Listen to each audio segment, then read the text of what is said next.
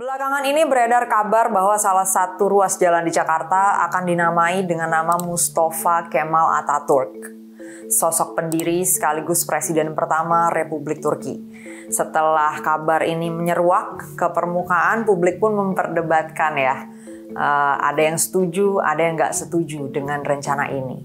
Ataturk ini memang salah satu pemimpin dunia yang pro sekularisme, sama seperti presiden pertama Republik ini, Insinyur Soekarno. Nah, penamaan jalan di Jakarta dengan nama Ataturk ini sebetulnya digagas sebagai usulan timbal balik untuk penamaan jalan di Turki dengan nama Soekarno.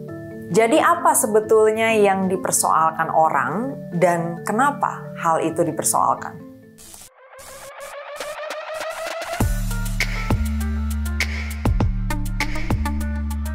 Masuk ke pandangan orang gimana, kita bahas sedikit dulu tentang fakta-fakta isunya itu sendiri. Jadi awalnya gini, Turki melalui kedutaan besarnya di Jakarta menyampaikan keinginannya untuk menamai salah satu ruas jalan di Jakarta dengan nama Mustafa Kemal Ataturk. Menurut perwakilan Kedubes Turki di Jakarta, penamaan jalan tersebut merupakan usulan timbal balik menyusul adanya keinginan dari pihak Indonesia agar pihak Turki menamai salah satu ruas jalan di Ankara, Turki dengan nama Soekarno. Kabar ini dibenarkan oleh Wakil Gubernur Jakarta Ahmad Riza Patria. Riza menyampaikan bahwa wacana penamaan jalan dengan nama Ataturk ini merupakan bentuk kerjasama antara Indonesia dengan Turki. Nah, rencana inilah yang kemudian menimbulkan pro kontra. Pihak yang kontra antara lain datang dari PKS DKI dan MUI. Salah satu alasan dari pihak PKS atas penolakannya itu adalah Ataturk merupakan bapak sekularisme Turki. Nah, oleh karena itu pihak PKS DKI menolak rencana ini. Betul bahwa Ataturk adalah salah satu tokoh sekularisme Turki dan karena beliau merupakan founding father dari Republik Turki, mungkin bisa juga ya kita sebut beliau jadi bapak sekularisme Turki. Tapi kemudian yang menjadi pertanyaan, apakah ide sekularisme itu memang seburuk itu? Atau apakah ide-ide politik Ataturk itu buruk ya? Sampai-sampai hal ini dijadikan argumen untuk menyimpulkan bahwa nama Ataturk tidak pantas diabadikan sebagai nama jalan di Jakarta.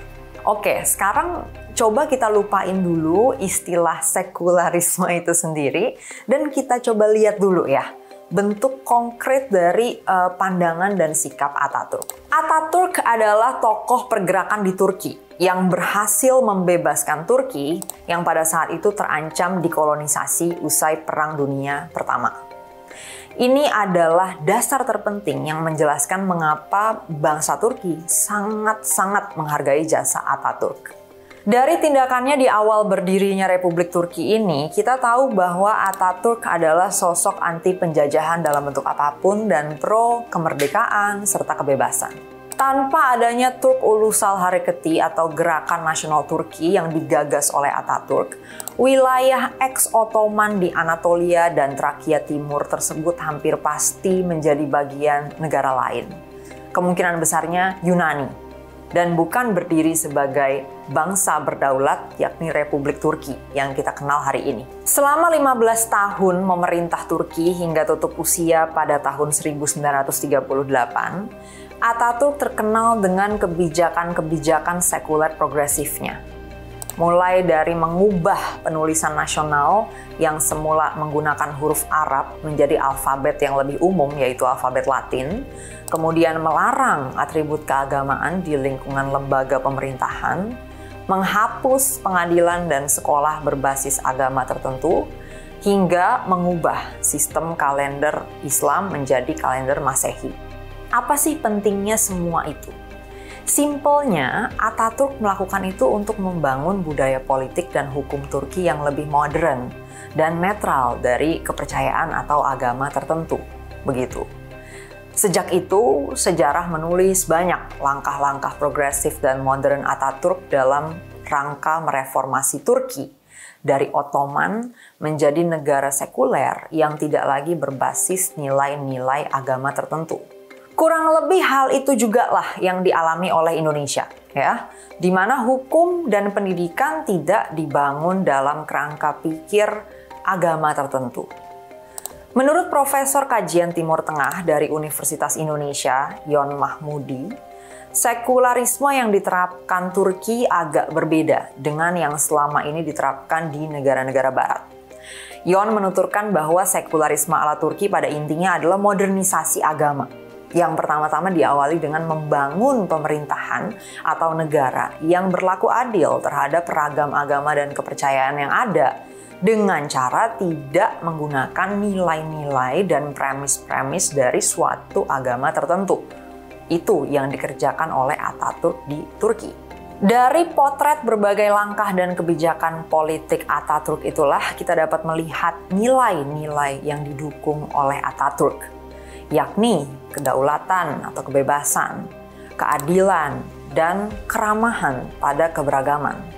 Sikap seperti ini sangat mirip dengan yang dimiliki oleh Soekarno saat ia naik menjadi pemimpin pertama bagi suatu bangsa religius ya, yaitu bangsa Indonesia. Pandangan Soekarno terhadap sila pertama Pancasila misalnya jelas menggambarkan posisinya yang cenderung sekuler meskipun tetap akomodatif juga ya terhadap religiusitas bangsanya.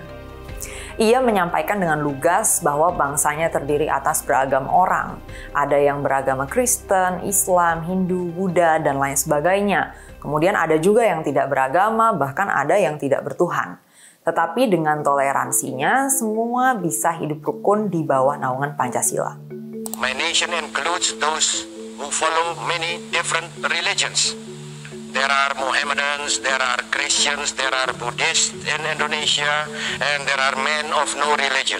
Even those who follow no God in their innate tolerance recognize that belief in the Almighty is characteristic of their nation. Sekarang kita kembali lagi ke kisruh penamaan jalan di Jakarta dengan nama Ataturk.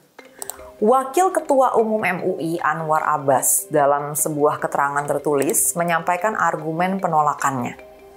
Beliau menyampaikan bahwa Mustafa Kemal Ataturk adalah seorang tokoh yang sudah mengacak-acak ajaran Islam. Ia juga menyebut bahwa Ataturk sesat. Nah, sebetulnya ini agak susah ya dipahami. Maksudnya di bagian mananya nih Ataturk mengacak-acak ajaran suatu agama. Karena kalau yang kita lihat dari track record Ataturk dalam kepemimpinannya di Turki, ya beliau mengusung gagasan-gagasan yang pro kebebasan, keadilan, dan keramahan terhadap keberagaman gitu kan. Nah jadi pendapat ini sebetulnya agak kurang jelas ya. Mungkin mesti dijelasin lagi ya, mesti diperjelas lagi eh, bagian mana dari sikap atau kebijakan Ataturk yang dianggap sesat dan mengacak-acak ajaran agama tertentu.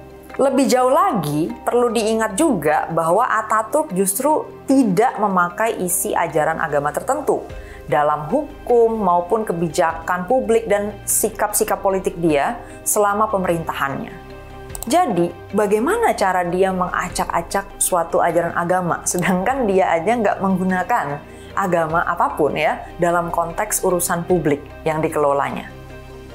Nah, kemudian pertanyaan selanjutnya, Bagaimana dengan sosok Soekarno yang juga memiliki sikap yang cenderung sejalan dengan Ataturk? Apakah beliau juga perlu kita anggap telah mengacak-acak ajaran agama tertentu? Dalam pidatonya di PBB pada tahun 1966 yang tadi sudah sempat saya sampaikan cuplikannya di sini, Soekarno menjelaskan dengan gamblang posisi Pancasila sebagai pemersatu dalam keberagaman dan bukan sebagai alat untuk menyeragamkan yang tidak seragam, ya. Termasuk dalam konteks menaungi orang-orang yang tidak beragama dan tidak bertuhan. Mereka tidak kemudian diwajibkan untuk ikut-ikutan beragama juga atau bahkan bertuhan juga gitu ya.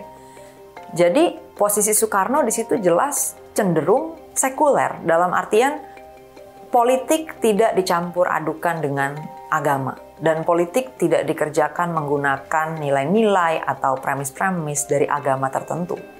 Soekarno dalam surat-surat Islam dari ND juga menyampaikan pandangannya tentang sistem politik berbasis agama Islam yang disebut khilafah. Ia memandang sistem khilafah tidak cocok lagi diterapkan di Indonesia atau di wilayah mana pun di dunia. Di situ, ia juga membahas tentang gerakan nasional Turki yang digalakkan oleh Mustafa Kemal Ataturk pada tahun 1920-an sebagai salah satu bahan refleksinya. Sikap Soekarno ini ia keluarkan menyusul berkembangnya tanggapan negatif atas gerakan nasional Turki dari kelompok Islam tertentu. Pemikiran Soekarno itu dituliskan pada 1936 ketika nasionalisme tengah merebak di Timur Tengah, Afrika, dan Asia. Menurutnya, sistem kekhalifahan sudah tidak layak lagi untuk dipakai di zaman itu M. Ridwan Lubis menuliskan dalam bukunya yang berjudul Soekarno dan Modernisme Islam bahwa Soekarno tidak setuju dengan penyatuan agama dan negara. Ia tidak setuju jika agama tertentu dijadikan sebagai landasan pemerintahan karena rentan disalahgunakan untuk kepentingan otoriter. Dikutip dari buku Polemik Negara Islam, Soekarno versus Natsir oleh Ahmad Suhelmi.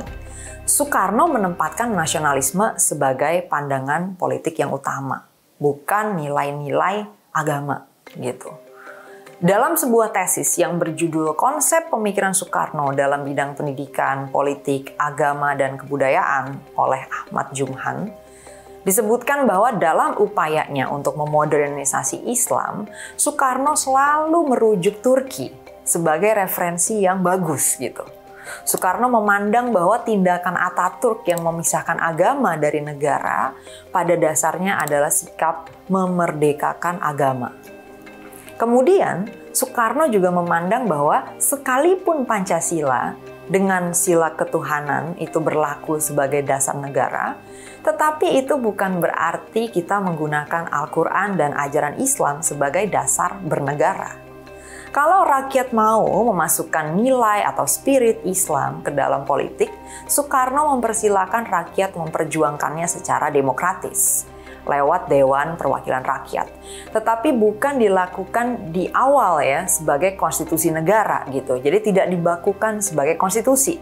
Bisa diperdebatkan, bisa diperjuangkan dalam dinamika demokrasi. Dari berbagai fakta tentang pandangan Soekarno tadi, kita dapat melihat bahwa pandangan Soekarno ini cenderung sejalan dengan Ataturk dalam artian pro dengan negara dan pemerintahan yang cukup sekuler. Bahkan Soekarno beberapa kali menyampaikan rasa hormat dan persetujuannya terhadap ide-ide dan gerakan politik Ataturk. Maka itu, saya pikir sangat layak ya apabila nama Jalan Soekarno di Ankara, Turki itu ditukernya dengan nama Jalan Mustafa Kemal Ataturk di Jakarta, Indonesia. Bagaimana menurut Anda? Silakan sampaikan pandangan Anda secara bebas di kolom komentar maupun di akun media sosial Anda sebagai bahan untuk kita berdiskusi bersama.